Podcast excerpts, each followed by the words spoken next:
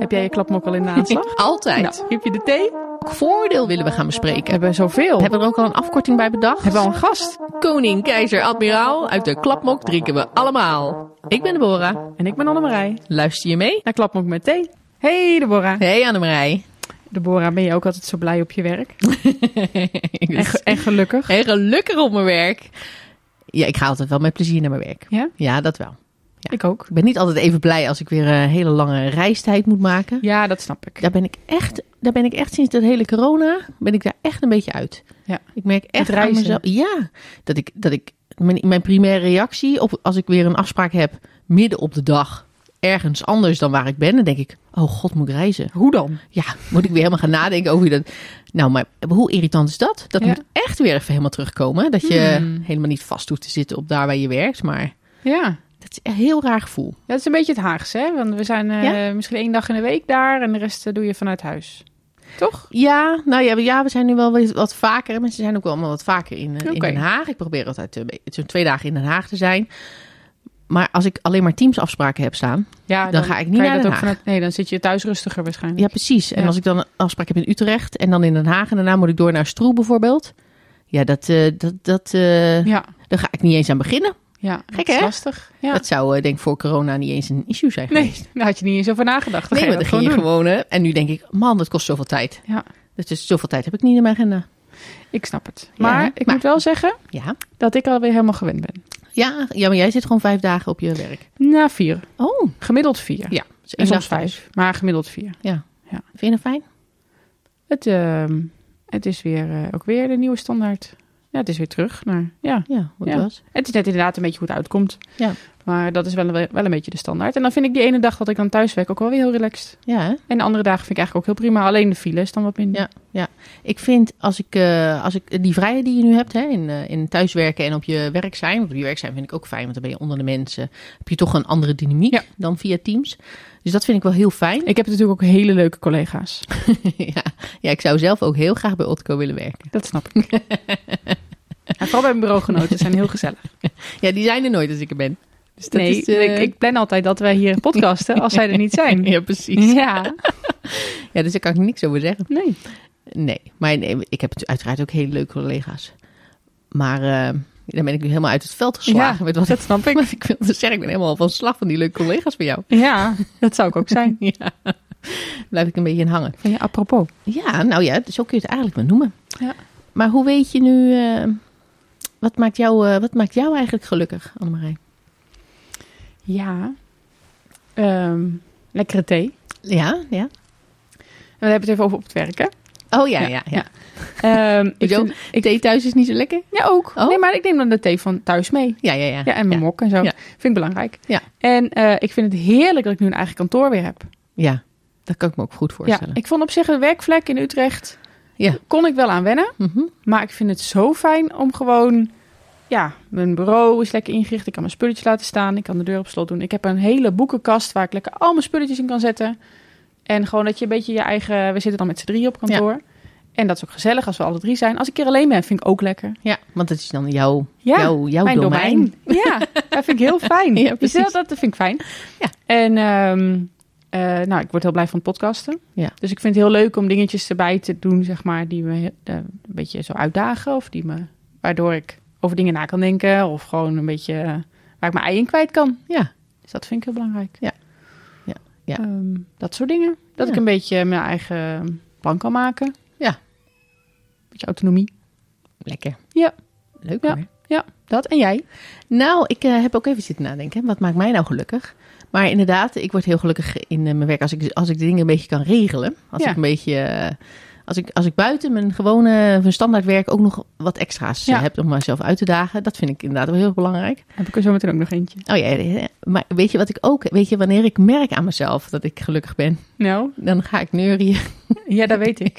Ja, heb ik zelf niet altijd door. ik wel. Maar als ik, als ik die momenten heb, is ook een beetje een familietrekje. Mhm. Dan, eh, ja, dan, dan begin ik gewoon eh, te neurien. En dan, eh, ja, Inmiddels ik weet ik gelukkig dat dat betekent dat jij goed in je vel zit. Ja, dan heb ik het naar mijn zin. Dus dat, daardoor kan ik ook denken, oké, dit betekent alleen maar dat de boer heel blij is. en laat ik het gewoon verder negeren. Ja, Want Het is redelijk extreem. Nee, dat is helemaal niet extreem. Weet je wat pas extreem is? Nou, Wat ik zei net, het is een familietrekje. En ik doe dat inmiddels niet meer. Maar mijn nichtjes doen dat wel. Als we dan zitten te eten en het is lekker, dan zitten ze zo te eten. dat is ook heel erg. Ja, Nee, want dan Ja. vinden ze het lekker. ja, ja dit is ook heel leuk. Ja, heel goed. Heel goed. Ja, ja. Ik zal het bij jou dat een keer eh, stiekem opnemen, denk ik. Oh ja? Nee, want het is echt heel grappig. Ik, ik ga het gewoon doen. Oh, Nou, Ja, nee, want dan... Kijk, bijvoorbeeld, wij zitten in de auto. Ja. En jij zit naast mij. Mhm. En jij bent lekker voor je uit het neurien. Want we hebben een hele gezellige dag. En we gaan lekker podcast maken en zo. En ik Ja. hoor je zo... "Mm." En dan kan jij gewoon bijvoorbeeld even iets zeggen tussendoor. Ja. Of even, weet ik, iets waardoor je een ander geluidje moet maken. Maar dat gaat dan heel, op een hele natuurlijke manier. Ga je ook gewoon, ja, ga je naadloos. En dan ga je weer verder met je neurietje. En dan zit dat, ja, het is, het is heel bijzonder. ja, dat gaat totaal het onbewust. Ja, het is totaal onbewust iets. Want ik Ja. heb het vaak zelf niet eens door. Nee. Ja, totdat ik dan Annemarij weer naast me hoor lachen. Denk ik, ook zat weer te neurien zeker. Je zo. Ja. Ja. Ja. Ja. maar dat is goed Leuk. teken. Dan ben ik gelukkig. Ja, Ja. leuk is dat. Ja. ja. Oké, Ja. ja. Had je nog meer dingetjes? Waardoor jij... ehm, Nee, maar jij had er nog eentje, zei Ik je. heb er nog één. Nee, wat ik echt heel leuk vind, Ja. en waar ik echt heel blij van word, Nou, is dingetjes organiseren op het werk. oh, heb ik ook een heleboel nog voor je hoor. Ja, dat vind ik echt heel leuk. Ja, maar dat, dat komt. Ik weet niet of we dat wel eens in een eh, podcast al verteld hebben. Wat jouw, eh, ja, ik weet niet, jouw guilty pleasure is als je niet militair geweest Ja. zou zijn of jurist. Dan had ik iets van weddingplanner of zo willen worden. Volgens mij hebben we dat wel eens een keertje Ja, ik denk wel dat we het wel eens over hebben gehad. Ja. Het kan bijna niet anders. Ja. Nee, maar ik vind echt... en Ik heb dan dit jaar het Oranjebel georganiseerd. Ja. En ehm, ik zit in, het, eh, in de feestcommissie. ehm, eigenlijk tot nu toe iedere functie heb ik in de feestcommissie gezeten. ja, ik vind dat gewoon Ja. echt heel leuk. Ja, maar En je kan het ook echt van heel A goed. tot Z, weet je? Dat je en lekker eten en iets leuks gaat doen. En iets wat een beetje toch wel bijna iedereen leuk vindt. Ja. En gewoon dat alles gewoon voor elkaar is voor iedereen. Ja. En ook de bijzonderheden. Ja. En ja, ik vind het gewoon echt heel leuk. Ja. ja. Ja. En daar word ik heel blij van. Ja, nou, je kan het ook heel goed. Oh, dank Dus dan, eh, ja, nee, maar dan is het ook heel leuk voor iedereen. Hartstikke leuk hoor. Ja. Yes. Maar eh, nu zitten we natuurlijk lekker te, te, te poekelen over eh, Leuke dingen. leuke dingen en geluk. En waar je gelukkig van wordt en Ja. zo. En dan denk je natuurlijk, waar gaat het hier over? Ja, gaan ze het nu weer over hebben? Juist. Nou, Waar gaan we het over hebben dan? Ja, we gaan het hebben over werkgeluk, Annemarij. Ja. En dat is niet iets waar wij nou zelf mee gekomen zijn. Nee. Wij zijn aangesproken door, door de CHO, denk ik, dat je het uitspreekt. Chief Happiness Officer. Ja. Nou, wist jij dat we die hadden? Nee, Ik ook niet. ik kende de collega natuurlijk wel, want hij had ons makkelijk gevonden. ja, zeker. Maar eh, nee, de, fun- de, de functionaris kende ik nog niet, de functie. Nee. Nee, dus we hebben gewoon in onze organisatie een happiness officer. Of zouden we misschien hebben binnenkort. Of Ja, willen we graag. willen we graag. Of wil hij graag dat we die hebben? Ja, maar wat moet ik me daar nou bij voorstellen? Ja. Ja, en hebben we ook dan een vooroordeel als we met hem gaan praten zometeen? Nou, zeker wel. Zeker wel. Dat vooroordeel wat wij natuurlijk hebben bij werkgeluk. En, en in, te- in relatie met de afgelopen periodes die we hebben gehad, Mhm. is eh, geld erbij, tijd voor werkgeluk. Ja. Vind je niet wat? Ja, vind ik leuk. Ja, Eerst maar eens de basis op orde. juist. En dan kunnen we nadenken over de softe werkgeluk. Ja, ja, als een soort van eh, secundaire arbeidsvoorwaarden of ja zo. precies. Dan is daar ook ruimte voor. Ja. Moeten we daar ook geld voor hebben? Hmm. Hmm. Nou, ik, ik denk dat, we, dat we maar eens kennis moeten gaan maken met onze Chief Happiness Officer. Gaan we doen. Ja, daar zijn we dan. Met de overste Harold Keldermans. De Ronald McDonald van de Landmacht. Welkom. Dankjewel. Die Dankjewel. zag je niet eh. aankomen, hè? Nee, die zag ik zeker niet aankomen. Die hadden jullie nog niet weggegeven. Nee. Maar eh, nee, ja, prima. Als mensen dat van mij vinden, dan eh, daar heb ik eigenlijk geen enkele moeite mee. Oké, oké. Ja, Maar dat is omdat jij natuurlijk de Chief Happiness Officer bent. nou zou willen zijn. Ah, Dat is wat anders. oké. En dat is misschien ook wel aardig om, eh, om ter introductie eh, te vertellen. Ik zat eh, vorig jaar met de generaal Kees de Rijken, de directeur HR. En zoals jullie weten, en zowel de publieksprijs als de juryprijs gewoon als directeur HR van het jaar Ja. in Nederland. Hij is goed bezig geweest. van iedereen, hè? Ja, Ja. precies. Eh, daar zat ik mee te praten en eh, mijn functieduur zat erop. En toen kwamen we zo in gesprek en toen zei hij, ja, wat zou je eigenlijk willen? En zei ik, nou ja, ik, wat, het werk wat ik nu doe, daar zal ik zo meteen wat meer over vertellen. Vind ik hartstikke leuk om te doen, dus dat wil ik ook nog wel doen. Ik moet nog drie jaar, dus eh, dat is prima om daar nog een functietermijn voor te doen. Eh, maar ik zou ook nog wel wat anders willen. En toen zei van, nou, stel nu dat alles mogelijk zou zijn, wat zou je dan willen? En toen, zei ik, tegen, en toen, zei, en toen zei ik tegen hem, nou, als je eh, Kees, ik mag Kees zeggen af en toe. Ik zeg, eh, Kees, als je me heel eerlijk vraagt, dan moet je mij de komende drie jaar Chief Happiness Officer maken van de landmacht. Mhm. Maar by the way, dan niet in een kabinet of wat dan ook, rechtstreeks onder CELAS. Eh, met de bevoegdheden en de mandaten die erbij horen om te proberen om binnen de landmacht werkgeluk, happiness, meer op de kaart te zetten. Toen keek hij me aan, toen moest hij een beetje lachen. Dat snap en toen ik. zei ik, en toen zei ik, ja, ik denk dat het misschien nog net een beetje te vroeg hiervoor is. Maar misschien moeten we daar wel naartoe groeien als organisatie. Maar wat, wat, wat doet dan zo'n eh, Chief Happiness eh, Officer? Wat Ja. moeten we daarbij voorstellen? Nou, die loopt inderdaad de hele dag op eh, flapschoenen rond. Een rode neus en staat de hele dag aan de voetbaltafel alleen maar leuke spelletjes te doen. Ja, duidelijk. Ja, dus wie wil dat nou Dan niet? snap ik dat je dat ja, wil doen de laatste ja, drie nou, jaar. Ja, dat, dat, dat bedoel ik. Maar dat is het natuurlijk niet. Kijk, de, en het gaat niet om de naam, hè, of het nou Chief Happiness Officer is, of iemand die bezig is met werkgeluk, of iemand die zich echt eh, focust op engagement. Het gaat erom dat diegene eh, binnen een landmacht, en dat zal hij of zij zeker niet alleen doen, eh, aan de slag gaat met het thema werkgeluk omdat er heel veel elementen zitten binnen werkgeluk, maar daar zullen we zo aan raken, denk ik. waar je wat mee kunt als organisatie. En wat natuurlijk al lang gebleken is, en dat is niet omdat ik dat verzin, eh, maar omdat het wetenschappelijk is onderzocht, dat als je daadwerkelijk als organisatie serieus aandacht besteedt aan werkgeluk, het ook inbedt in je dagelijkse bedrijfsvoering. Dus het moet vooral geen kunstje zijn, die voetbaltafel of die schaal met fruit. Of af en toe een leuk event en dan lachen we met z'n allen en vervolgens gaan we weer door naar de waan van de dag. Dus je moet het borgen in je organisatie.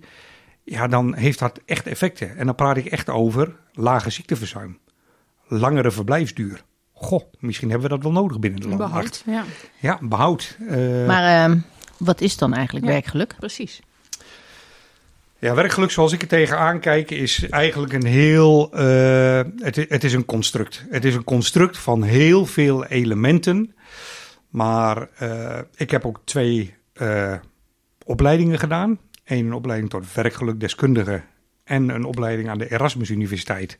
Rendement van geluk. Nou, ik, daar heb ik echt nog nooit van gehoord. Maar ik vind het nu al leuk. Dat, eh, maar het is ook leuk. Ja, en dat, het is, dat geloof ik. Het is echt superleuk. eh met een hele leuke groep. En werkgelukdeskundige wordt inmiddels op vier of vijf hogescholen gegeven in Nederland. Daar is aan gekoppeld eh, het Happiness Bureau. En ik heb nergens aandelen in, dat zeg ik er gelijk maar even bij. Maar ik noem wel wat namen, want eh, ja, dat zijn ook mensen die mij inspireren. Daar is het Happiness Bureau aangekoppeld met G.A. Peper en eh, Lucas Svenne. Eh, maar daar is ook EHERO aangekoppeld. En EHERO is de Erasmus Happiness Economics Research Organization. Dat is dus een element van de Erasmus Universiteit. En die geven bijvoorbeeld rendement van geluk. En in beide opleidingen krijg je dus heel veel sprekers, maar krijg je dus ook onderbouwen van wat is nu eigenlijk geluk en wat is dan ook werkgeluk. Want de een ligt natuurlijk wel in het verlengde van de ander. Je kunt het niet alleen maar hebben over werkgeluk als je het nooit over geluk hebt. En eh, ja, die opleiding eh, werkgelukdeskundige, eh, daar leer je dus heel praktisch hoe je binnen een organisatie een programma op zou kunnen zetten en hoe je het uiteindelijk in zou kunnen bedden binnen de dagelijkse bedrijfsvoering. Ja, dus met het inhuren van barista's en zo. Zeker ook. IJskokerratjes als Ja, het warm is. ook. Massagestoel. Ook, ja, nog meer? Hebben jullie nog meer wensen? Oh ja, Oh, ja. ja? biofilie. Mijn hemel, waar heb je dat opgezocht? Ja, Ja. Nou, nou, de- de- nu verras je mij ook, Ja? dus la- laat horen. Nou, dat is ook zo'n ding hier bij de revita- revitalisatie van, de, van onze kazerne. Ja. Ik zag het staan, dat er moet aandacht zijn voor biofilie. Nou, dan kan je van alles bedenken. Nou, Nou, volgens mij... Eigenlijk niks. Nee, maar het is wel een beetje een raar woord.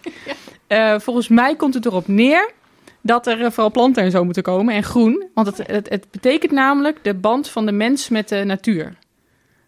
Kunnen we er gewoon in het bos gaan zitten? Ja, Ja, heerlijk. Lekker. Een tentje. Ja, maar over planten gesproken, hè? de lepelplant. Hebben jullie Ja. daar wel eens van gehoord? Wat gaan we nou nee, maar Jij Kom begint over biofilie. De lepelplant zorgt ervoor dat je die, die straalt iets uit, hè? die geeft iets af. Ja, dit klinkt echt te soft voor mij, Mhm. maar eh, die, eh, dat, dat je daar eh, gelukkig van wordt. Dat je, dat je Dat- gelukkig de lepelplant. Het is zo'n groene plant Nou, met van die witte kelkjes erin, weet je wel? Niet de kelk, maar zo'n wit, wit blad met zo'n geel. maar fijn dat je de voorzet geeft. eh, Ja. Hebben we niet afgesproken overigens, hè? Maar fijn dat je de voorzet geeft. Want weet je waarom of je geluk ervaart? Waar komt dat vandaan? Het antwoord voor jullie is natuurlijk... Endorfine. De kijken... Nou, heel goed. On- onder Vraag andere. twee, vraag twee. Onder andere. Onder andere. Maar dit is maar een deel. Je hebt namelijk eh, vier zogenaamde gelukshormonen. Waarvan endorfine er één is. Eh, weten jullie waar je, waardoor je lichaam endorfine aanmaakt? Chocola. Nee. Ook, ook wel een Adrenaline. beetje. Ook wel een beetje. Adrenaline. Nee, adrenaline is er geen één. Maar endorfine wordt onder andere. a- Endorfine is een hormoon eh, van huis uit die ervoor zorgde, en dat komt echt helemaal uit de oudheid, dat jagers heel lang door konden gaan. Dus die gingen niet zo snel, maar die konden wel heel lang doorgaan. Want als ze pijn begonnen te voelen, maakte het lichaam namelijk een hormoon aan, endorfine, waardoor ze de pijn niet meer voelden en dus door konden gaan. Dus endorfine is zo'n gelukshormoon. En hoe krijg je heel makkelijk endorfine? Is onder andere door lekker te sporten, lekker te bewegen. En daar komt hij, best gevaarlijk in deze sport, seks. Maakt, zorgt ook voor de aanmaak van endorfine. Ja, voor geluk of voor werkgeluk? Nee, Waar voor, zitten we nu? Voor, voor, voor, voor geluk. Maar wacht even, we komen zo bij werkgeluk. Jullie zouden echt Deborah moeten zien. Dit is hilarisch. Dus dat is ook. Eh, maar seks is niet alleen goed eh, om endorfine aan te maken. Er, is ook nog, er zijn nog drie andere gelukshormonen. Je hebt namelijk dopamine. Dat is ook een gelukshormoon. En dopamine is echt een gelukshormoon dat aangemaakt wordt als je eh, dingen presteert. Als je dingen realiseert. Daarom is het ook handig als je een hele grote taak hebt. Om dat op te knippen in heel veel kleine taakjes. Want elke keer als je dan een taakje afrondt, krijg je een shot dopamine. Ja, dat is heel fijn. En dat is heel ik herken fijn. dat. Ik wou zeggen, wat een, wat een herkenning ineens. Ja, echt. Ja, en Ja, dat dat, voelt dat heb ik heel erg. En dat voelt super fijn. Ja. Het grote voordeel van eh, deze twee gelukshormonen is, is dat je er niemand anders voor nodig hebt om het aan te maken. Dus dit kun je helemaal zelf doen. Nou ja, je kunt sporten, rennen of dat andere. Of je gaat taakjes opknippen en eh, zaken afronden. En dan krijg je dopamine. Dus hier heb je niemand anders voor nodig. Maar er zijn nog twee gelukshormonen, daar heb je eigenlijk wel anderen voor nodig. En dat is serotonine. En die kennen jullie ongetwijfeld. Heeft ook alles nee, ken ik helemaal niet. Zon, aanmaak van vitamine D. Buiten. Serotonine. Zorgen dat je een goede, jullie hebben allebei kinderen. Ja. Een goede slaap-waakverhouding. Heeft alles met serotonine te maken. Maar dat is ook een gelukshormoon. En de laatste gelukshormoon is oxytocine. En dan komt die weer. Oxytocine heeft het bijnaam eh, het knuffelhormoon. Dus ook daar komt weer, daar waar we niet meer over zullen praten in deze podcast, is daar ook heel erg fijn voor, zeg maar. Maar ook gewoon samen met je collega's. Leuke dingen doen, eh, samen lachen, eh, samen iets ondernemen, samen een prestatie neerzetten. En eh, ja, dat zorgt voor de aanmaak van, van oxytocine. Dus je hebt eigenlijk vier gelukshormonen die een boost kunnen geven aan een bepaald gelukkig gevoel. Ja, Ja, Dat vind leuk ik, om ik vind het weten, interessant. Ja, ja, ja, ja, mooi feitje, mooi weetje. Ja, en als je dan eh, kijkt naar die vier gelukshormonen, die je dus nou ja, deels zelf, maar deels ook door met name in contact met anderen. En daar komt ook het belang van verbinding vandaan. Dus het, het- de verbondenheid met anderen. Daarom is het ook waarom we de afgelopen twee jaar, toen we met corona met z'n allen natuurlijk thuis zaten of aan thuiswerken waren, dat dat toch gewoon wat minder fijn voelde. Dus onder andere omdat bijvoorbeeld dat soort hormonen dan niet aangemaakt worden. En daarom waren we ook blij, tenminste ik in ieder geval wel, de eerste keer dat ik weer op de kazerne weer met mijn collega's en weer een kop koffie kon drinken. Of in de zon, of buiten, of samen. Of een gezamenlijk project oppakken. En, en kan ik dan eigenlijk zeggen, hè, want, want we, we hebben het wel eens over, ja, je bent dan militair, wat ben je dan en waarom wil je zo graag militair zijn? En dan komt heel vaak de opmerking kameraadschap naar voren. Ja, Is dat, is dat iets wat ja, al deze ja, hormonen opwekt, zeg maar? zeker. Zeker. Dan, dan heb je het dus echt over die verbinding. Dan heb je het wel vooral over oxytocine, zeg maar. Hè? Dat knuffelhormoon noem het maar. Eh, maar daar zit, daar zit echt... Ja, ja. Jullie hebben moeilijk om, eh, moeite om me serieus te nemen. Maar dat is echt dat is de bijnaam. Kan er niks aan doen. Eh, maar dat zit, daar zit dat kameraadschapdeel. Ja. Dat voor elkaar gaan. Maar ook overigens serotonine. Serotonine Ja, wordt ook wel het leiderschapshormoon genoemd. Oh. Omdat je als leidinggevende heel erg veel invloed kunt uitoefenen op de mensen waar je mee werkt. Het creëren van een sociaal veilige omgeving. Het zien van mensen, het luisteren naar mensen, het waarderen, het erkennen, het ontwikkelen. Dat zit allemaal in die. En daar, dat zorgt ook voor de aanmaak van serotonine bij mensen. En Ja, de erkenning. Is dat, is dat onder andere. Ja, onder andere erkenning, waardering. Het is Ja, het precies. hele rijtje eigenlijk, eh, Ja. eh, wat sommige mensen ook wel aangeven bij de soft skills thuis hoort. Ik noem het human skills. Dat klinkt misschien net even iets positiever, zeg maar. maar dat zal ongetwijfeld te maken hebben met mijn achtergrond. Oh, vertel eens wat meer over die achtergrond dan. Nou ja, dat, eh, ik ben ooit begonnen als operationeel cavalerieverkenner. Daar heb ik alle commandantenfuncties gedaan die er maar te doen waren. 103, 104 verkenningsbataljon, vorige eeuw. En zo rond de eeuwwisseling dacht ik bij mezelf, ja, waar, waar ga ik nu echt van op aan? Ik ga overigens aan van het aanhebben van dit pak. Het heeft namelijk alles met zingeving te maken. Ja. Komen we zo meteen op als we het echt over werkgeluk gaan hebben. Maar rond de eeuwwisseling dacht ik, ja, waar word ik echt blij van? En toen dacht ik, ja, werken met mensen en werken voor mensen. En vervolgens ook het besluit genomen, eh, eh, over zonder dat te overleggen binnen de organisatie, om een studie HR te gaan doen. Dus nu heb ik een studie HR gedaan, een HBO-studie. En zo ben ik uiteindelijk het HR-vak ingerold, eigenlijk vanaf 2001. Overigens, by the way, begonnen hier aan de overkant, gebouw M, gebouw Meur. Wat sommige mensen wel zeggen. Maar gebouw Mike noem ik het maar even. Hè.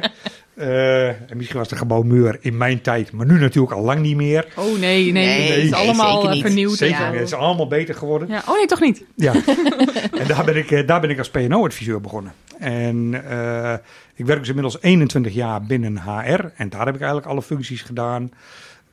HR-adviseur, senior HR-adviseur, hoofd van de personeelsdienst in Schaarsbergen. Dus voor 11 luchtmobiel, DGLC en 1 GNC. En sinds 2018, eh eh, eh, handpikt door eh, diezelfde generaal Kees de Rijken, eh, HRI opgestart. HR Innovatie. Een clubje binnen de directie HR die echt aan de slag ging met de vernieuwing binnen HR en wat nodig is om eh, futureproof HR te kunnen bedrijven, maar ook vooral richting die human skills. Dus de organisatie, dus het HR-personeel, die kant op te ontwikkelen, maar ook de organisatie die kant op te ontwikkelen. Ja, want er was bijvoorbeeld toch ook vuurdoop en die organisatiecoaches en dat soort Ja. dingen, toch? Ja, ik, ben, eh, ik heb zelf eh, eh, een jaar lang ben ik de projectleider geweest van Vuurdoop. Dus ik heb best aan de voorkant gezeten en de, de eerste, I don't know, eh, eh, 200 voorstellingen bij betrokken geweest. Ja, geweldig dat we als organisatie, als een landmacht, het lef hebben. Want dat is ook een van de zaken die als het over leiderschap gaat, gaat het vooral ook over lef. Dat we als organisatie, en ja, diezelfde Kees de Rijk heeft daar wel het voortouw in genomen. En uiteindelijk daar de handen voor op elkaar gekregen, dat we dit hebben gedaan. En ik weet dat er ook best veel mensen waren die kritisch waren in die periode. Hè. Oh, en het gaat toch eh, allemaal goed. En zorg eerst maar eens dat ik eh, mensen krijg en eh, spullen en mijn arbeidsvoorwaarden op orde. Voordat we aan de slag gaan met, zoals jij dat dan soms noemt, Deborah, softe coaching schissel. Ja, ik echt hoor. Het is wel leuk. Ja, Ja. dat klopt. Dat Ja. klopt. En, eh, weet je, en, en dat is gewoon mooi dat dat soort initiatieven gewoon mogelijk zijn. En eh, we, we zitten nu, eh, HRI bestaat niet meer, maar wij zijn nu opgegaan in het clubje Learning and Development. Binnen het transitieteam van eh eh, kolonel Peter van der Tuin. Eh, en die houden zich heel erg bezig nu met de komende HR-transitie, waar we, of de komende, de HR-transitie waar we middenin zitten. Mhm. En dat groeien richting dat HR-model. Ja. Eh, en er zitten eigenlijk drie pootjes in het transitieteam. Je hebt een beleidsdeeltje, die doen vooral heel veel zaken in Den Haag. En praten met het niveau CELAS en de ondercommandanten van CELAS. Dan heb je eh, twee mensen die daar fulltime de communicatie doen. En je hebt daar een clubje Learning and Development. Die eh, zeg maar de ontwikkeling, dus het, het scholen, bijscholen, omscholen, ge- geef maar een naam aan, van primair het HR-werkveld doen van de landmacht. En secundair zijn we inmiddels ook gestart met de lijn van de landmacht. En daar hebben we onder andere de masterclasses HRKL, die we de afgelopen periode hebben gedraaid. Met de brigades, met de commandant van de brigade, ondercommandanten en de daaraan gekoppelde HR-personeel. Om ze mee te nemen in die transitie en om ze mee te nemen richting dat HR-model.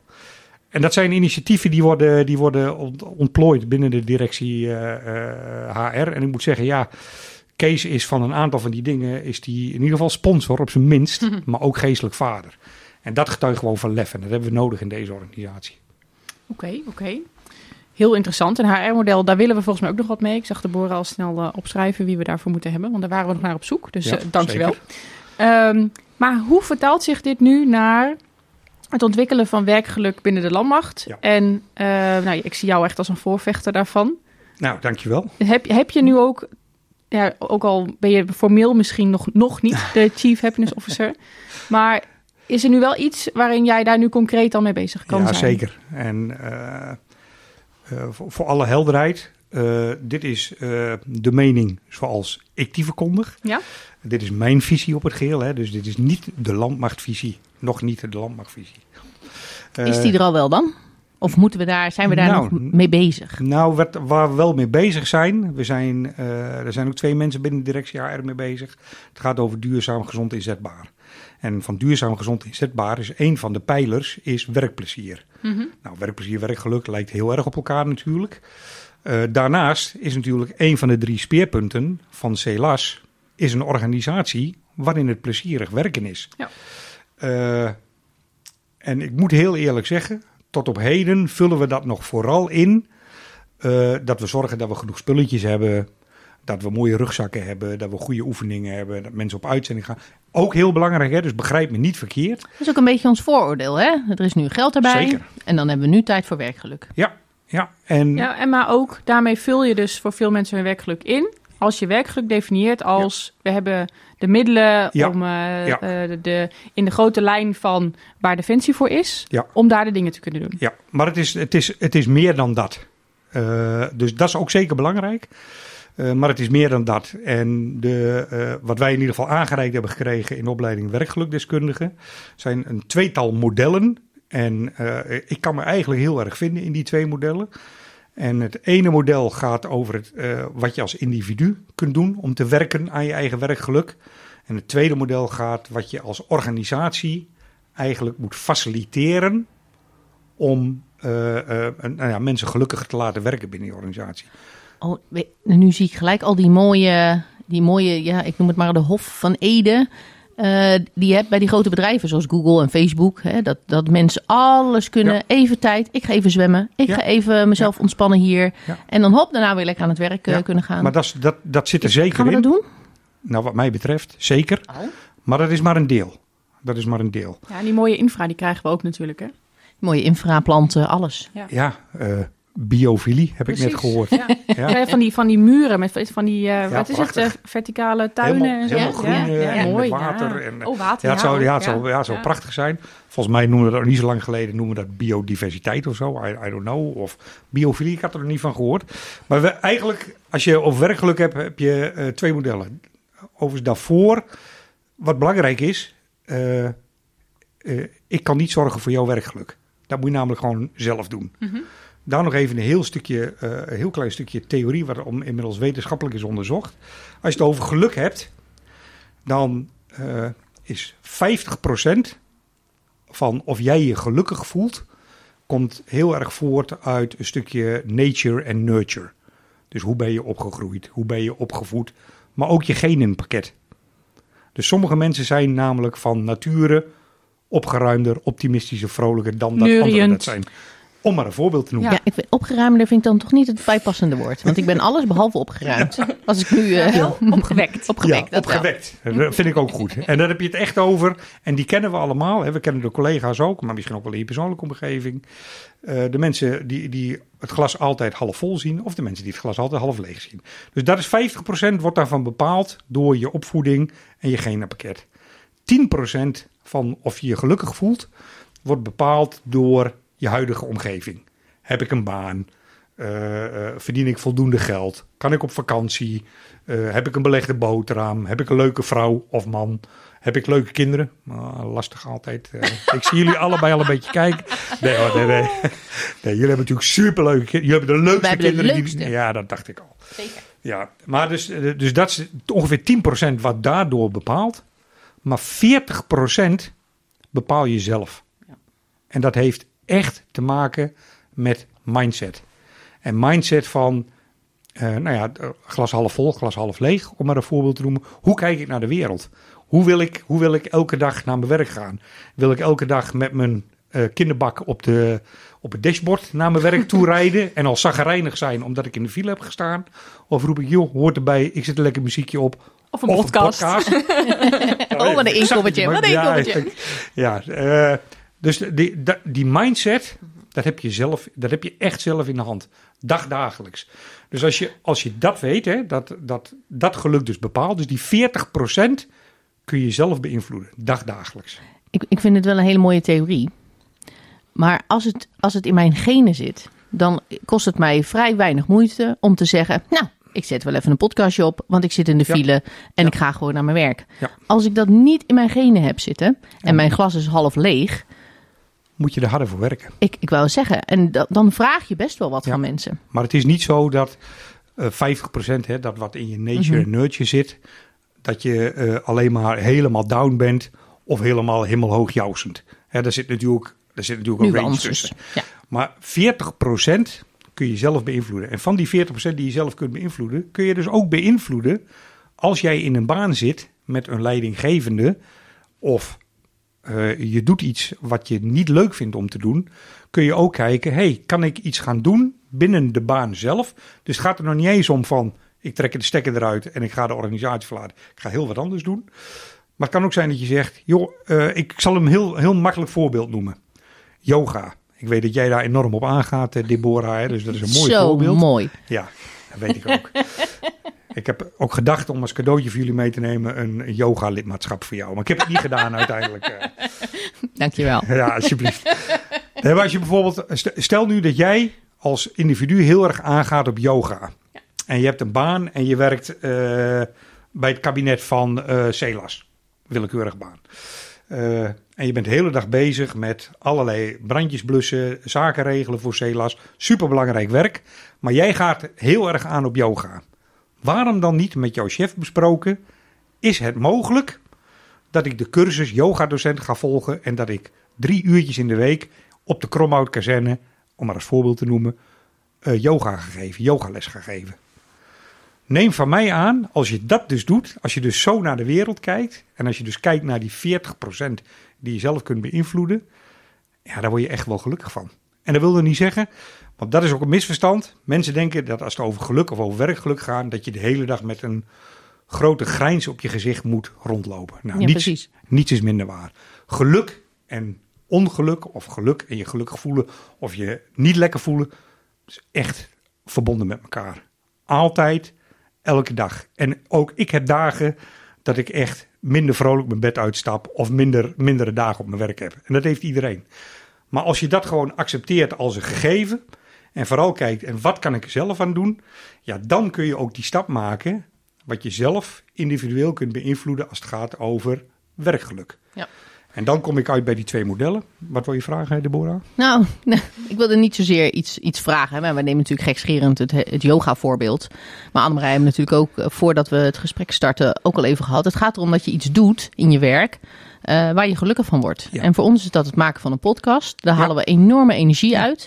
Eh, en het feit dat je dat op tafel legt en bespreekbaar maakt en eh, daar ruimte voor krijgt, eh, dat, is, dat is ook al goed. Ja. Hè, dus we blijven een beetje in het yoga-voorbeeld hangen, maar Ja. dat Nou hoeft ja. niet. Hè? Want uiteindelijk hoeven we geen 40.000 yoga-instructeurs Nee. te hebben. Nee, Maar, nee maar het kan, alles wat jou van alles op dat zijn. moment ik gelukkig word maakt. Ja, enthousiast van spinnen. precies. Ik ga drie uur spinningles geven. Ik Ja. word enthousiast van krijgshistorische voorbeelden delen met mensen.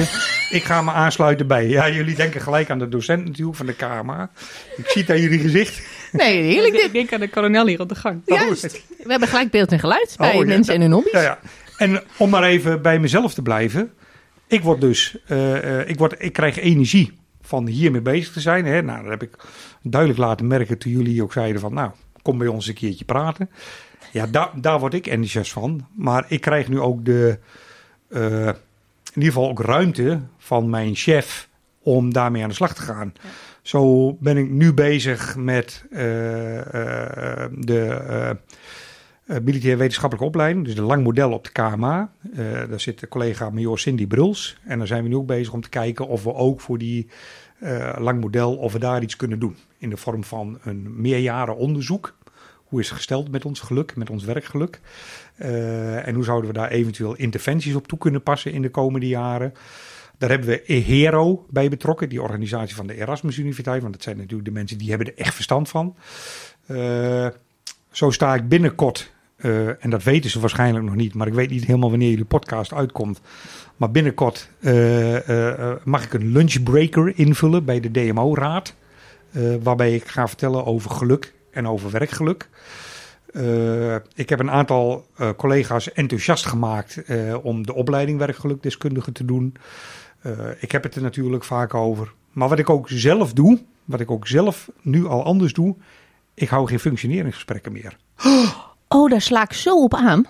Ja, heerlijk. En ik, zal- en ik zal, en ik zal eh, Ja. en nogmaals, eh, en het- de term functioneringsgesprek, daar gaat het niet om. Ik ben nu zelf begonnen en ik vul het gewoon keurig in in PeopleSoft als ik een gesprek heb gehouden. Maar ik ben begonnen met het goede gesprek met mijn mensen. En het goede gesprek gaat Omdenken. over waar krijg je energie van? Ja. Hoe kan ik je ontwikkelen? Hoe kan ik je helpen? Wat zijn je dromen? Wat zijn je ambities? Wat zijn je energieslurpers? Hoe kunnen we daar naar kijken? Hoe kunnen we jouw baan misschien een beetje à la jobcraften om ervoor te zorgen dat je uiteindelijk iets gaat doen waar je wel gelukkig van wordt. Of waar je meer gelukkig van wordt. Ik word hier ook gelukkig van. Ja, Wat een mooie ontwikkeling. ja, nou ja, en, de- de- eh, en dat is eigenlijk, Deborah, als ik daar naar kijk, ja, daar kan iedereen morgen mee beginnen.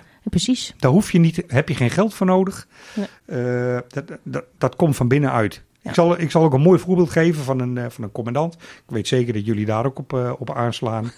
Eh George Dimitriou, commandant van het 17e Infanteriebataljon. Inmiddels niet meer, heb ik begrepen. Die was vooral bezig, en hij noemde het geen werkgeluk, maar die was wel heel erg bezig met zijn mensen. Met zijn mensen zien, met zijn mensen erkennen, met zijn mensen autonomie geven. Dat is een van de elementen die heel erg naar voren komt als je het over werkgeluk hebt. Hoeveel autonomie heb je in de baan? En ik snap best dat de autonomie van de mini-schutter is wat anders dan de autonomie van jullie of van mij. Dat, dat begrijp ik wel. Maar ook die mini-schutter kun je een bepaalde vorm van autonomie geven binnen zijn functie. En als je dat doet, daar gaan mensen van op aan. En eh, ja, Sjors heeft dat denk ik op een hele goede manier, zonder dat hij het letterlijk zo benoemt, heeft hij daar echt een heel mooi voorbeeld van weggezet bij het 17e bataljon. Maar wat heeft hij gedaan dan? Nou ja, wat ik zeg, zijn mensen gezien. Zijn Maar mensen, hoe, hoe heeft dus, hè, dat, dat, dat klinkt natuurlijk allemaal heel goed. En dat klinkt, maar dan denk ik, wat heeft hij dan gedaan? Hoe, hoe ziet hij zijn mensen? Hè, en, en dan gaat het om dit voorbeeld. Maar Ja. hoe, hoe kun je als commandant eh, je mensen zien? Hoe kun je dat nou? Hoe kun je Nou. dat nou geven aan die mensen? Hoe zie je dat? Wat zie je dan gebeuren? Ga, ga eens in gesprek met je mensen. En ga eens niet in gesprek. Aandacht. Zeker aandacht. Maar ga eens niet in gesprek met je mensen alleen over. eh, jij moest deze klus doen en die was wel op tijd af, of die was niet op tijd af. Of hoe kunnen we dat nog eh, op een andere manier doen? Of dit ging fout en hoe moeten we dat herstellen? Een van de elementen die bijvoorbeeld ik nu in het goede gesprek doe. Ik benoem geen zaken meer die slecht gaan. Ik zeg wat ging er goed en wat kan er beter? En dan kun je zeggen, oh, trucje, lekker makkelijk. Het gaat om de mindset. Het gaat om de mindset, hoe je met je mensen in gesprek gaat en hoe je naar de mensen kijkt. En dat kun je dus als commandant nu al doen. En dat zijn wat mij betreft commandanten op alle niveaus. Dat begint bij de groepscommandant en dat gaat door tot en met, nou ja, C-las, laten we dat maar even als voorbeeld noemen. Ga met je mensen in gesprek. Ja, want dat voorbeeld wat jij geeft van een bataljonscommandant, die heeft natuurlijk. ehm, en dat, en dat, dat snap ik ook, hè? En die denkt daar heel goed over na. En ik weet ook dat hij er inderdaad heel bewust met dat soort Ja. dingen bezig is geweest. Eh, die heeft dan waarschijnlijk zijn, nou, wat zijn sectiehoofden en zijn uh, kampioenscommandanten op die manier benaderd. Ja. Alleen, bijvoorbeeld die, eh waar Minimi Schutter Ja. je volgens mij net als voorbeeld, die bereikt hij daar niet mee. Nee, Er zitten nog, eh, nog een paar lagen tussen. Ja, maar dan is dus, en eh, dan komt ook het element leiderschap om de hoek kijken, wat mijns inziens een van de belangrijke elementen is in eh, het wel of niet creëren van werkgeluk. Als jij dus met die mindset met jouw eigen ondercommandanten omgaat, en je geeft dus die mindset, geef jij mee aan jouw ondercommandanten, en je vraagt dus ook van hun om op die manier ook met hun personeel om te gaan, ja, dan wordt het uiteindelijk aan nou ja, olievlekwerking of eh cascaderen, geef maar een naam aan. Dan gaat het van hoog naar laag. Dus het begint heel erg met, met mindset en voorbeeldgedrag. Ja. Voorbeeldgedrag, cruciaal. Ja. ja, ik ben het helemaal met je eens. Maar ik denk wel dat dat ehm, niet zo automatisch gaat, die olievlek, als dat je zo op papier of dat je... Zeker. Ja, want, ehm, eh, want je hebt het natuurlijk over heel veel verschillen ook Ja. in levenservaring Zeker. en functionele ervaring. En, ehm, en nou, net als wat je zegt, onderzoek op de, op de KMA, mensen Ja. die het lange model doen. Eh, het is natuurlijk ook niet te vergelijken. Die lui die op de KMA zitten, een bepaald idee hebben van wat ze gaan doen en hoe ze zich daarin op moeten stellen. Ja.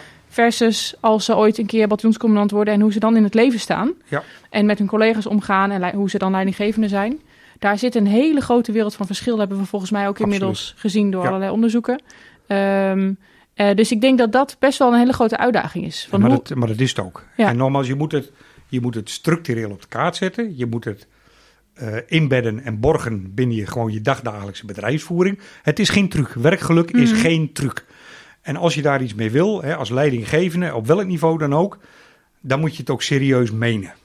Dus het is, geen, het, het is niet van, oh laten we daarmee mee aan de slag gaan, want dan blijven de mensen wat Ja. langer. Of, eh, nee, je moet het ook, je, je moet het, ja, intrinsiek gemotiveerd moet je ervoor Ja. zijn om ermee aan de slag te ja, gaan. en je- ik denk dat onze jonge leiders, die moet je de tools mee gaan Nou ja. geven. En dat is onder andere waarom ik ook met Cindy in gesprek ben gekomen. Eh, Cindy heeft ook bij de directie HR gewerkt en we kennen elkaar wat langer. En Cindy eh, denkt er ook zo over als ik erover denk, over werkgeluk. En daarom ben ik ook met haar in gesprek gekomen en heb gezegd, als we nu die, die, die MWO-compagnie, als, we da- als ik daar ook maar één klein zaadje kan planten bij die mensen... Wat al meer is dan wat er op dit moment gebeurt. En ik zeg niet dat de opleiding op de KMA slecht is, hè? dat zeg Oh ik nee, niet. nee, daar gaat het niet over. Dat nee, is maar, niet wat ik zeg. nee, maar maar als er- je, er zit natuurlijk iets intrinsieks in. Precies. Met welk idee jij bij Ja. Defensie gaat werken, zo'n opleiding Ja. ingaat, hoe je elkaar versterkt Ja. in een bepaald patroon, zeg maar. Eh, versus hoe Ja. jij ook door leeftijdservaring, eh, of, ja, gewoon door je leeftijd en door levenservaring, Ja. eh, later ehm, functioneert. Ja, en, Ja. Als, jij, en als je dus, stel nu dat ik daar, I don't know, een college ga geven van twee uur wat gaat over werkgeluk en de elementen van werkgeluk. En ik zal zo meteen, het, ik zal zo meteen de modellen erbij pakken. Dan, en ik, ik geef dat mee en ik zet ze aan het denken. Die jonge leiders hè, van de toekomst, die straks de zeelassen Mhm. zijn Ja. voor over 30 jaar, I don't Ja. know. En, en dan komt het weer. Je geeft ze dus een bepaalde mindset mee. Je geeft ze in ieder geval, eh, nou ja, in ieder geval stof tot overdenken mee. Ja. Hoe zou het kunnen en hoe ga je met je mensen om? En het is ook niet zozeer dat werkgeluk nou is om eh, dat het zo leuk staat eh, als organisatie. Maar ik geloof, en dat is ook wel een visie erachter waarom of ik hier ook wel op druk op werkgeluk. We weten allemaal dat op dit moment de war on talent eh, vol is losgebarsten. Ja. Ik denk in de wereld, maar zeker ook in Nederland. Eh, nou, wij weten zelf hoeveel vacatures of we hebben binnen de organisatie. Het is mijn heilige overtuiging dat de komende 10, 15 jaar, en dat zal misschien voor Defensie, omdat ze een overheidsorganisatie zijn, wat anders zijn. Maar ik geloof dat bedrijven over 10, 15 jaar, dat alleen de bedrijven overleven die serieus werk maken van werkgeluk. Omdat je daarmee mensen aan je bindt als organisatie. En omdat daarom mensen graag bij jou willen werken en willen blijven. En nou, ik, ik vind het natuurlijk een prachtig verhaal, maar ik heb toch een punt van kritiek. Ja. De kritische noot. Ja. Want ik hoor nu werkgeluk gekoppeld aan leiderschap. Ik hoor nu werkgeluk gekoppeld zijn aan een goede leider. Maar ik denk dat werkgeluk eh, helemaal niet gekoppeld hoeft te worden aan leiderschap of aan de commandant. Want we zijn ons nu aan het focussen op die commandant. Ja.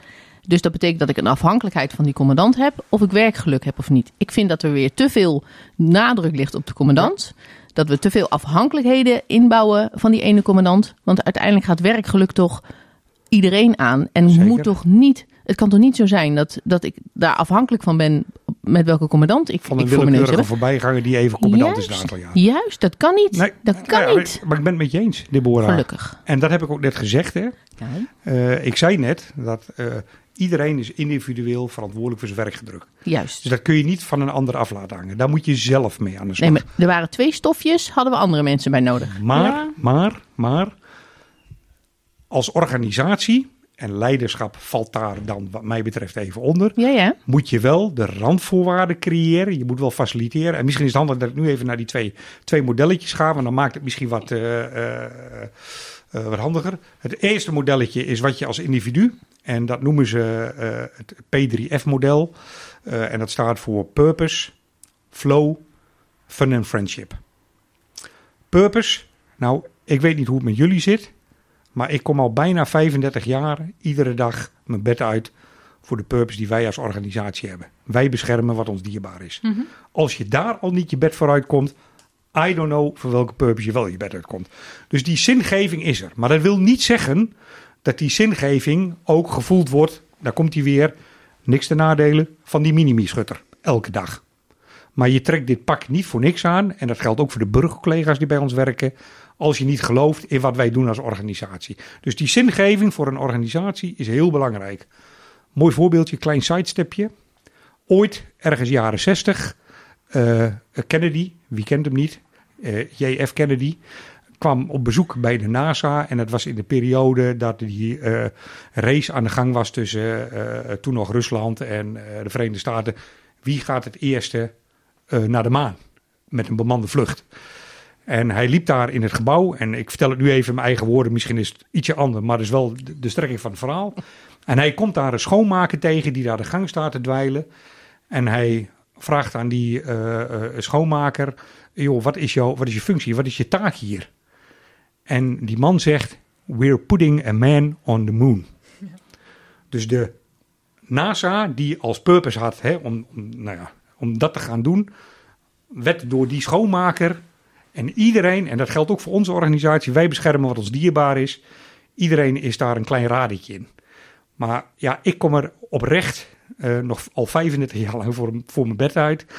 Uh, daarom heb ik ook nooit het uniform uitgetrokken. Omdat, ja, dat is voor mij een, een, een zingeving, een purpose, die status nice. Dus die hebben we. Dus dat is één, P3F. Flow gaat heel erg over uh, voldoening. Word je gezien? Word je gehoord? Word je gewaardeerd? Kun je je talenten ontwikkelen?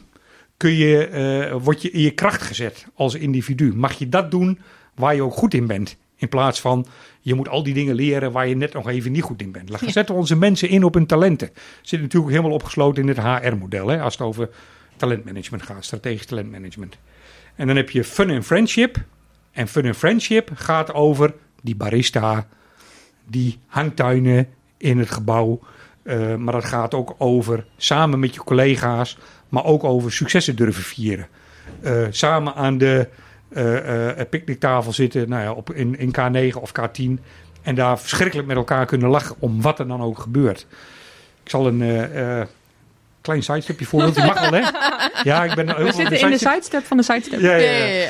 Sidestepje, ik ben een paar weken geleden op vakantie geweest en ik had een leuk filmpje gemaakt. Ik was met mijn vrouw uh, samen fietsen en ik had een heel leuk tunneltje. En ik had een leuk filmpje gemaakt voor mijn collega's ook van, uh, terwijl ik door het tunneltje fietste met een filmpje. Dus, en ik gaf commentaar terwijl ik dat deed. Uh, en ik kom uit het oosten. Een vlogger. Ja, soort van. en ik kom uit het oosten van het land. Maar ik heb mezelf inmiddels door al die jaren ergens anders te wonen aangeleerd om niet meer helemaal plat te praten. Dat kan ik wel, maar dat doe ik niet. Als ik mijn moeder aan de telefoon heb, ga ik over gelijk zo, hoppakee, zit ik er vol in. Maar goed, dus ik had dat filmpje gemaakt. En ik dacht dat ik na de tunnel hem uit had gezet, het filmpje. nou, niets is minder waar. Het, ik, niet goed gedrukt, maakt niet zoveel uit. En nog ongeveer een minuut of anderhalve minuut hoor je mij praten met mijn vrouw. In het plat Twents. Uh, en ik heb dat filmpje naar mijn collega's gestuurd zonder dat ik wist dat dat laatste deel er ook aan zat. nou, die hebben geloof ik drie dagen lang uh, krom gelegen van het lachen om dat filmpje. En het werd overal gedeeld en het werd thuis. Uh, nou, dit is, als je het hebt dus over fun en friendship, jezelf kwetsbaar uh, op durven stellen, jezelf ook niet zo serieus nemen, hè. vooral ook op jezelf kunnen lachen. Ja, dat zit daar heel erg in opgesloten. En dat zit ook heel erg opgesloten in het samen met je collega's doen. Ja. Dus dat zijn de elementen die je als individu maar als organisatie, en daar hebben we het zogenaamde HART-model voor, het Engelse HART-model voor, uh, kun je dat faciliteren. En de H staat voor uh, happy culture, een, een, uh, ja, een, gewoon een optimistische cultuur hebben binnen die organisatie. En je kent ze allemaal, hè? De uh, bol.coms, uh, de, precies, de Googles, uh, de Apples. nou, dat, die, die, hebben gewoon, die stralen dat gewoon uit aan alle kanten. Dus een happy culture. De E staat voor energizing workspaces, energiegevende werkplekken. de kantoortuin. Nou ja, om maar een voorbeeld ja, te noemen. is dat energiegevend? Nee, dat is dus niet energiegevend. Nee, maar dus een, nee. een werkplek waar je je eigen temperatuur kunt regelen. Waar je voldoende daglicht hebt Waar je misschien wel die barista hebt in je omgeving. Waar je lekker een kop koffie kunt, eh, kunt nemen. Nou, dus energiegevende werkplekken zitten in, heel veel elementen. Temperatuur en noem het allemaal maar op. eh, de hoeveelheid licht. De A staat voor agile leiderschap. En daar komt hij dus, eh, Deborah. En agile leiderschap wil dus echt ook zeggen dat je als leider er bent voor je mensen. En een mooi voorbeeld daarin vind ik, het gaat niet om jou als leider, het gaat om jouw mensen. Precies. En als dat je mindset is als leider, en dus ook dat gesprek aangaan met die mensen om ze te ontwikkelen eh, in de krachtweg, et cetera, eh, dan weet ik ook zeker dat je daarin gewaardeerd wordt. Dus agile leiderschap is daar een belangrijke in. De R staat voor eh, redesign eh, de employee journey. En dat gaat dus over alles van onboarding, crossboarding, dus hè, ontwikkelen binnen de organisatie naar andere functies, maar ook offboarding. Dus dat is de hele medewerkersreis die je maakt als je bij een Ja, organisatie start werkt. In, in je functie. eh, Precies. als je misschien eh, je ontwikkelt iets anders gaat doen en als je uiteindelijk eruit gaat. Precies. Ja. En als je er uiteindelijk uitgaat, wat willen we het liefst? Dat onze eh, oud-collega's allemaal ambassadeur zijn van onze organisatie. En op het bekende verjaardagsfeestje Ja. vertellen hoe gaaf of het is om bij ons te werken.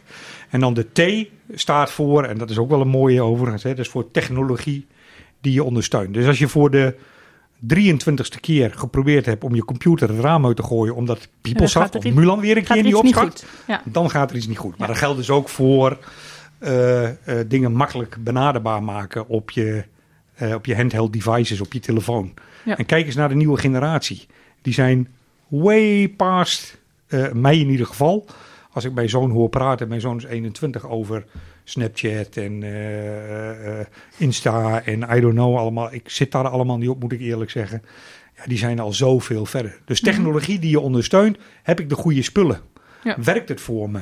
Eh, en dat geldt natuurlijk ook voor de spulletjes. Als je kijkt naar het niveau van, dat klinkt wat denigrerend, maar de werkvloer. Ja, da- dan moet je gewoon goede spullen hebben. En dingen die het ook gewoon doen. In plaats van, "Poeh, ja, ik wil wel graag iets, maar hij doet het weer niet. Nou, en dat Het is zijn, het net niet.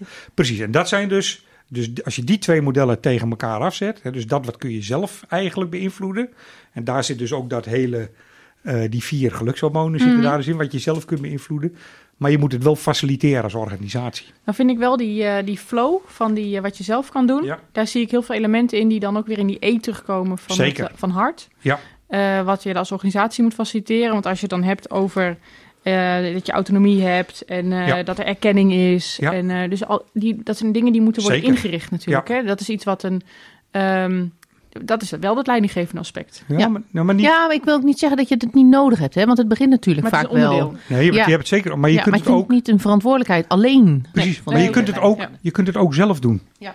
Hoe ga ik om met mijn collega?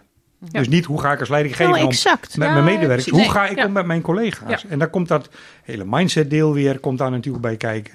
Maar dat, dat zit daar ook in. Ja. En eh, eh, het aardige, eh oh, sidestep, komt hij weer. ik weet dat ik Deborah daar een plezier mee doet. Eh, Hoezo? Dat mag gewoon. in België heb je eh, eh, iemand die is echt ook helemaal los op het thema geluk, zeg maar. Dat is Leo Bormans. Overigens, als je nog een goed boek wilt lezen, wat gaat over Afghanistan, een vluchteling uit Afghanistan die naar België en hoe dat is gegaan. De knikkers van Kadir. En Kadir schrijf je met Q-A enzovoorts. Ja, D-I-R. Kadir. Eh, echt een interessant boek. Zeker ook als je in Afghanistan geweest bent, ga je daar heel veel dingen in herkennen. Eh, maar Leo Bormans, die zegt ook, hij zegt, ik kan binnen 10 minuten, als ik met iemand in gesprek ben, weet ik of iemand een pessimist is of een optimist. En hij zegt, ik hanteer daar drie criteria voor. Hij zegt, als de persoon waarmee ik praat, als die heel veel praat in de ik-vorm, in plaats van in de wij-vorm, als diezelfde persoon heel veel praat in problemen en niet in oplossingen, en als die persoon heel veel praat over vroeger was alles beter, noem ik het maar even. Dus die kijkt heel veel naar het verleden en hoe het ging en er was toch helemaal niks en waardeloos en, en blijft daarin hangen. In plaats van dat hij kijkt naar de toekomst en wat kan daarin ontwikkelen. En hij zegt als ik tien minuten met zo iemand praat, hij zegt weet ik of ik een optimist of een pessimist voor me heb. En dat zal niet, dat is natuurlijk geen scheidslijn, 50% zwart en 50% wit, dat snappen jullie ook. Maar dat vind ik wel heel mooi en eh, dat is ook voor mij in gesprek met mensen, als ik nu met mensen in gesprek ga, neem ik, dit neem ik voor mezelf neem ik dit mee. En dan denk ik ook, ja, ik wil zo kijken. En hij zegt ook, als je gelukkiger wilt worden in je leven, en dat geldt natuurlijk ook als je werkgelukkiger wilt worden, en nou heb je dat niet altijd voor het, voor het uitzoeken, maar omring je dan vooral met optimisten. Omring je met mensen die die mindset hebben om dat te doen. En uh, een heel mooi voorbeeld, en daar, misschien word ik er wat emotioneel van, maar hoe dat is het? Dat mag ook, heb je gezegd. Dat mag zeker. Uh, ik ben vorig jaar op uitzending geweest naar Afghanistan, naar uh, Massar als uh, SNR. En op mijn verjaardag, 16 januari, was ik jarig. Uh, prachtige verjaardag en uh, feest en uh, de SNR is jarig, oh, gebak noem het allemaal maar op. Uh, smiddags is er een collega gewond geraakt, een Nederlandse collega, door een, door een incident op de schietbaan. Een collega die ik heel goed ken en een collega die heel erg geliefd was binnen het contingent. En nou, dan zet je natuurlijk alles in werking, black hole. En je, je haalt het responsteam bij elkaar. En je gaat aan de slag. Je gaat bellen met Nederland. En, noem het allemaal maar op. En die, die jongeman uh, op de operatietafel natuurlijk. en s'avonds ging ik in overleg met de, met de chirurg. En ik zei, joh, mag ik hem zien? Want hij was natuurlijk net geopereerd, zat natuurlijk helemaal onder de, onder de medicijnen. Zei, ja, natuurlijk mag je hem zien. Dus ik ben naar hem toegegaan, naar die, naar die knul. En die had voor zichzelf, voordat dat allemaal gebeurde, toekomst, joh, ik wil naar de KMS, ik wil in het pak, ik wil doorgroeien binnen de organisatie. Binnen één, één nou ja, split second was dat van de baan. Nou, dat realiseerde zich nog niet. Maar ik zat naast hem aan bed en hij was redelijk, uh, uh, hij was half bij, zegbaar. Maar we hebben samen gepraat en we hebben samen gehuild. Dat hoort er ook bij. Hè? Dus wat ik toen straks zei, geluk en ongeluk hoort heel dicht bij elkaar. Ja. En als je dat accepteert en realiseert, uh, dan is dat zo. Ik heb de afgelopen anderhalf jaar heb ik hem regelmatig opgezocht. Ik heb contact met hem gehouden. En hij had heel lang dat hij bleef hangen in waarom ik, waarom is mij het overkomen, wat is er fout gegaan, wie heeft de fout gemaakt, ik ben boos, de organisatie, de mensen, nou, noem het allemaal maar op. En ik was vanmorgen, hè, als je dan vraagt, heb je niet gevraagd, maar ik stel de vraag aan mezelf. Harold, waar word jij dan gelukkig van? Ik was vanmorgen in CMA en ik heb een uur lang koffie met hem gedronken. Zijn onderarm is inmiddels geamputeerd. Is een besluit wat hij zelf heeft genomen, omdat hij er zoveel pijn aan had. En er zit een hele andere collega tegenover. Een collega die vooruit kijkt hm. en bezig is met waar ga ik naartoe. En die volgende week start met zijn eerste training om eventueel volgend jaar deel te nemen aan Invictus. Ja, heel mooi ja, dan, uh, dan kun je mij wegdragen. Daar word ik dus gelukkig van. Want ik word gelukkig van mensen. Ja. Geluk gaat overigens altijd over mensen en over relaties tussen mensen. Ja. Dus ja, dat. Absoluut. Dat is een mooi voorbeeld. Ja. Ja. Ja, ja word je stil van, hè? Nou, ja, ik zie het aan jullie gezichten. Ja. ja. nou inderdaad, ja. Ja, ja. En, en, en dat is dus ook wat je nu dagdagelijks, uh, überhaupt als individu, maar ook als leidinggever, dat kun je dus doen. Wees er voor je mensen. Ga met ze in gesprek. Ontwikkel ze. Vraag wat ze willen. Creëer een omgeving waarin het mogelijk is. Kost geen geld. Wil je het heel goed aanpakken als bijvoorbeeld, zeg, morgen wordt uh, de generaal Wijnen wakker en die zegt, nou, ik ga nu echt aan de slag, serieus met werkgeluk. Ja, dan moet je er wel wat geld tegen gooien. Want dan moet je echt een externe organisatie die onderzoek doet, die het monitort, die met jou dat programma gaat opstellen en noem het allemaal maar op. Want dat is natuurlijk enorm omvattend als je daar serieus wat mee wil. Ja, maar je kan, ja, dat begrijp ik. Uh, maar dat is ook een beetje waar we altijd naartoe gaan. Hè? Want dan Zeker. moeten we iets gaan veranderen. Dan moeten we Ja. al- Maar als je aangeeft dat eh, werkgeluk in kleine dingetjes kan zitten. Zeker. Door aandacht te geven aan elkaar.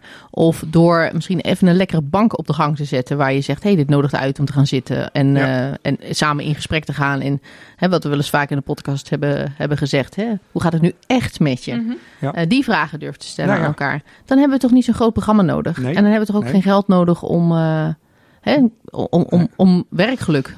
Of meer gelukkig op je werk te zijn. Ja, helemaal eens, eh, Deborah. Wat, wat wij bijvoorbeeld al binnen ons eigen team doen, eh, binnen het transitieteam, maar ook binnen Learning and Development. Wij starten elk overleg met een check-in. En dan, sorry, daar kan ik niet zo heel goed tegen. ja, Het is een beetje softe coaching shizzle dit. maar neem van mij aan, als je dat met een oprechte intentie doet, Dat je begint met, hoe zit jij erbij? Ja, ja, maar stel die vraag dan eens. Want misschien eh, eh, heb jij vanmorgen wel ruzie gehad met je, met je partner. Of misschien eh, heb je wel in de file gestaan. Of I don't know. En misschien ben je er even niet bij met je gedachten. Maar als ik die vraag niet aan jou stel. En ergens halverwege de vergadering schiet jij een keer uit je slof waar de situatie geen aanleiding toe geeft. Denk ik, ja, wat de F.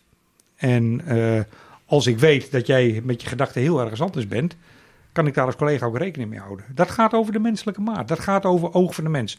By the way, een van de kernwaarden die wij als HRKL hebben. Hè? Oog voor de mens. We hebben het bewust geen de mens centraal genoemd. Daar hebben jullie ook een keer een aflevering over gemaakt. Ja, maar dan hadden we andere ladingen. Ja, maar wij hebben het oog voor de mens genoemd. Ja. En dat, dat is net even, hè, als je zegt de mens centraal, kun je afvragen, en waar is de organisatie dan? En het belang en behoefte van de organisatie. Maar als je oog voor de mens hebt, zit het vooral in dit soort dingen. Ja, aandacht. En als je, en nogmaals, hè, als je daar niet prettig bij voelt als team, moet je het vooral niet doen. Maar het gaat om de dieperliggende gedachte die eronder zit. Ja. Nou, dat denk ik inderdaad. Want als je inderdaad eh, hè, de, de hoe, zit, hoe zit je erbij vandaag, het inchecken, doen we Ja. altijd een beetje gekscherend over. Ja. Hè? Want we zijn het eigenlijk niet gewend. Je merkt dat de organisatie daar nog helemaal niet, eh, Nee. ik weet niet, misschien niet voor open staat. Of eigenlijk een beetje, gek, een beetje gekker vindt en niet weet wat ze ermee moeten. Ehm, maar goed, weet je, dat, is, dat is natuurlijk ook, heeft natuurlijk ook te maken met de cultuur en de cultuuromslag. En wat ben je gewend en wat Zeker. niet. En precies wat je zegt, als het niet bij je past, eh, doe het dan op een andere manier. Nee, het gaat om de aandacht, inderdaad. en, en ja. het moet bij je passen. En eh, wat, wat daar leuk in is, toen ik, eh, ik heb de opleiding in 2019 gevolgd, werkgelukdeskundige. Eh, en toen heb ik ook eh, het keycord, hè, waar jullie net op aansloegen. Ja, heel vrolijk. Maar eh, eh, dat ben ik toen gaan dragen. En er staat Happy People Better Business. Heel veel mensen dat ik, denken dat ik de keycord draag voor LHBTQ. Lijkt het ook een beetje op? Ja. het dat heeft alle kleuren van de regenboog. Ja. Maar goed, aan de binnenkant staat Happy People Better Business. En het leuke is dat ik vanaf die tijd regelmatig met mensen en die dan vragen, joh. En sommige mensen vinden daar iets van, dat ik op mijn uniform zo'n keycord draag. Want dat past er niet bij. Nu kunnen ze me zien in het bos, zeg maar, hè, zal ik zeggen. Eh, maar het leuke is dat ik wel uiteindelijk een gesprek krijg over waarom of Exact. ik hierin geloof. Ja. Ja. En, en wat erachter zit. En eh, ja, dat is ook zo'n mindset dingetje. En nogmaals, dat klinkt dan misschien een beetje geforceerd. Eh, maar inmiddels geloof ik er wel in. En, en, ja, en ik denk dat we daar ook naartoe groeien als organisatie. En de eerste keren dat ik uiteraard natuurlijk enthousiast na mijn opleiding het evangelie kwam verspreiden in mijn omgeving. Ja, er klinkt heel veel zendingswerk Ja. eh, in het afgelopen Nou ja, zeker. Maar de eerste keren dat ik dat deed en ik sprak met wat mensen uit het operationele werkveld. eh, toen zei letterlijk iemand tegen mij, een collega, een collega militair, die zei tegen mij: Happiness, daar krijg ik rode vlekken van in mijn nek. dat zei die letterlijk tegen me. En ik dacht: oké, misschien is happiness niet helemaal het woord wat past binnen onze cultuur en onze organisatie. Dus ik ben er geswitcht naar werkgeluk, zeg maar. Eh, maar in de basis komt het op hetzelfde neer. Ja, nee, precies. Precies. Ik vind hem Ja. wel heel mooi. Ja. Je, je- iedereen heeft nu iemand voor zich die dit zegt. Ja. Ja, ja, ja. Jullie, weten, jullie kennen ze ook. Ja, Ja. en ik ken ze ook. Ja. Dus, we, dus we, hebben nog wel wat, we hebben nog wel een weg te gaan, zeg maar. Maar het mooie, trouwens, ik vertelde dat ik bij de DMO wat gaan doen. Eh, maar volgende week eh, staat het thema werkgeluk door de HDP zelf, Wim Hogendoorn, op de agenda in Den Haag. Ja, dat is dus niet volgende week, maar als jullie Oh, dit luisteren, dan is Dat het is nee, al dan geweest. is ja, het al al lang geweest. Ja, sorry. Ja. Al lang Maar dat maakt verder niet uit. Maar dus dat ook de gebeurt HDP, dus ook. dus de Ja. HDP zelf is hiermee bezig. En weet ook zeker dat hij Hoofddirectie daarvoor open staat. Ja. Nou ja, en eigenlijk moet je, je moet een beetje eh, bottom-up en top-down.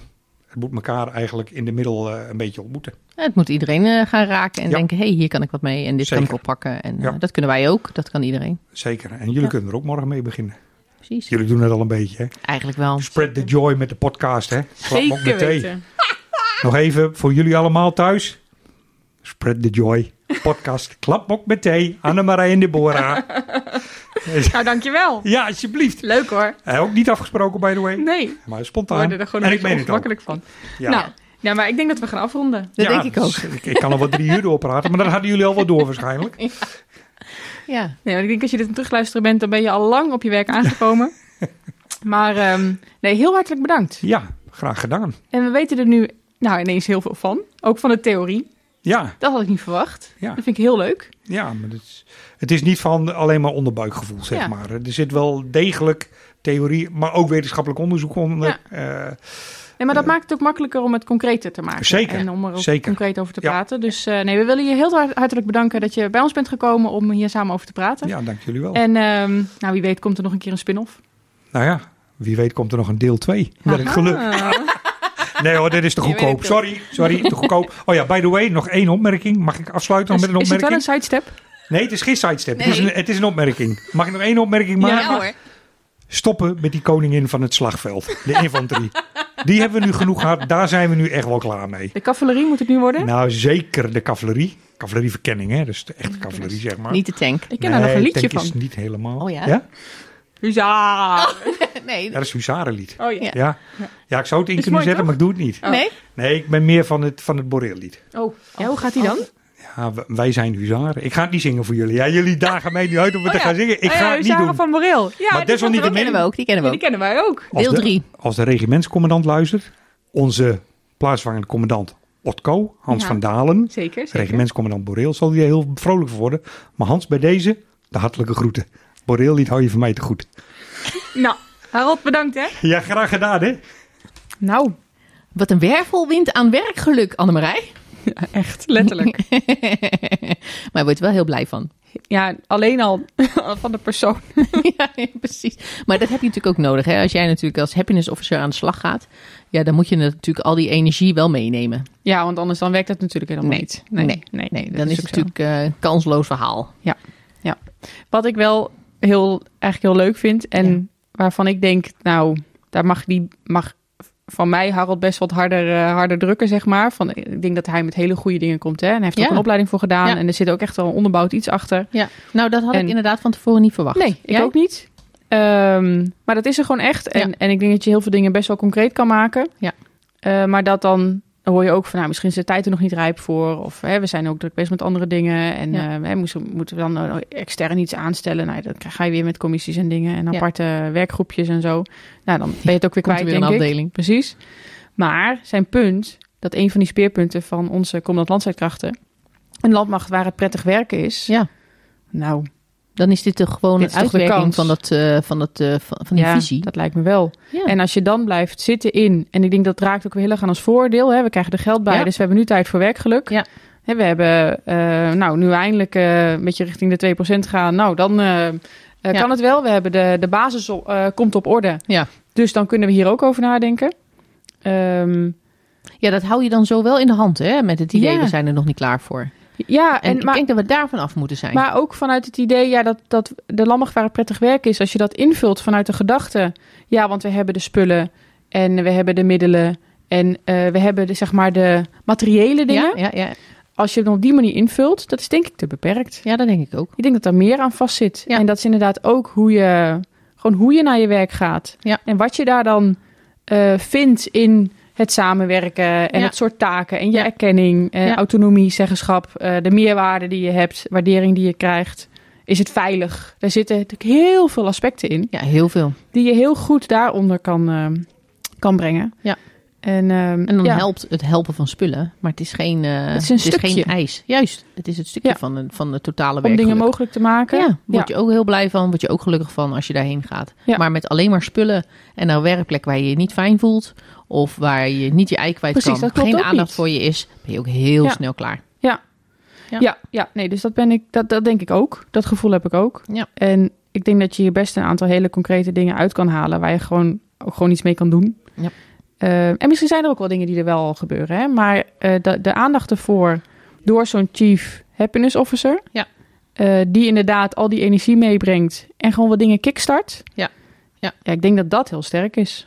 Dat denk ik ook. Dat denk ik Ja. ook. En dat moet gaan olievlekken binnen je eenheid. Ga er zelf Ja. eens over nadenken. Ja. Wat, waar, waar haal ik mijn werkgeluk uit? Wat vind ik leuk?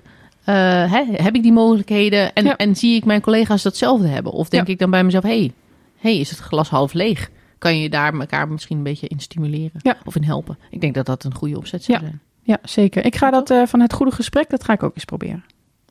Dat vond ik ook leuk. Ja, Ja, want kijk, natuurlijk doe je een functioneringsgesprek. Want Ja. je hebt het over ja. hoe iemand zijn ding doet. En, Ja, precies. ehm, eh, maar in, in, die zin, hè, je bent natuurlijk het is ook een, het eerste wat ik dacht, ja, maar je moet een functioneringsgesprek houden, want dat is gewoon hoe we dat hebben vastgelegd. Ja, dus dat moet sowieso. Nee, Ja, maar als je het gaat hebben over, oké, wat zijn iemands ambities en Ja. dromen? Je, je pakt hem net even wat, wat dieper. Eh, en hoe kan, jobcrafting vond ik ook een leuke Vond heel leuk, ja. Ja, dus dat je hm, misschien niet het standaard rijtje afgaat, maar dat je echt met een in een gesprek komt met iemand. Wat Ja. meer dan, oké, we moeten het even hebben. Wil je een, ehm, hoe zit het met je pop? Ja. En eh, Heb je weer een gesprek met je loopbaanbegeleider? hè, persoonlijk ontwikkelplan. Is je En- ja, wil je- goed? Ja, precies. Ja, wil je een gesprek met je loopbaanbegeleider? Precies, die dingen. Ja, dan, Vinkje, vink, vink. ja, vinkje, vinkje, vinkje. Ja. En je bent klaar. Ja. Maar je wil Ga nou eens in gesprek. Ja. Ja Waar ben je mee bezig? Word je daar nog gelukkig van? Ja. Wat kunnen we doen om, eh, om ja, waar je maar naartoe wil of Ja. wat dan ook? Ja, Wat wil je gaan doen? Ja. Weet je het niet? Kan ik je erbij helpen? Zullen we het er eens over hebben? Ja. Ik, ik denk dat dat goed is. Ja. Ik denk dat daar eh, iedereen gelukkig van wordt. En dat daar inderdaad ook de aandacht is voor wie ben jij. In plaats van eh, staat je paspoort op het juiste nummer in PeopleSoft. Ja. Is ook wel heel belangrijk. Maar moet ook. Maar dat maar moet niet de kern zijn. nee, dat moet niet het functioneringsgesprek zijn. En Nee. natuurlijk is dat ook niet de, de, de boodschap achter het functioneringsgesprek. En dat is natuurlijk ook niet het doel van een functioneringsgesprek.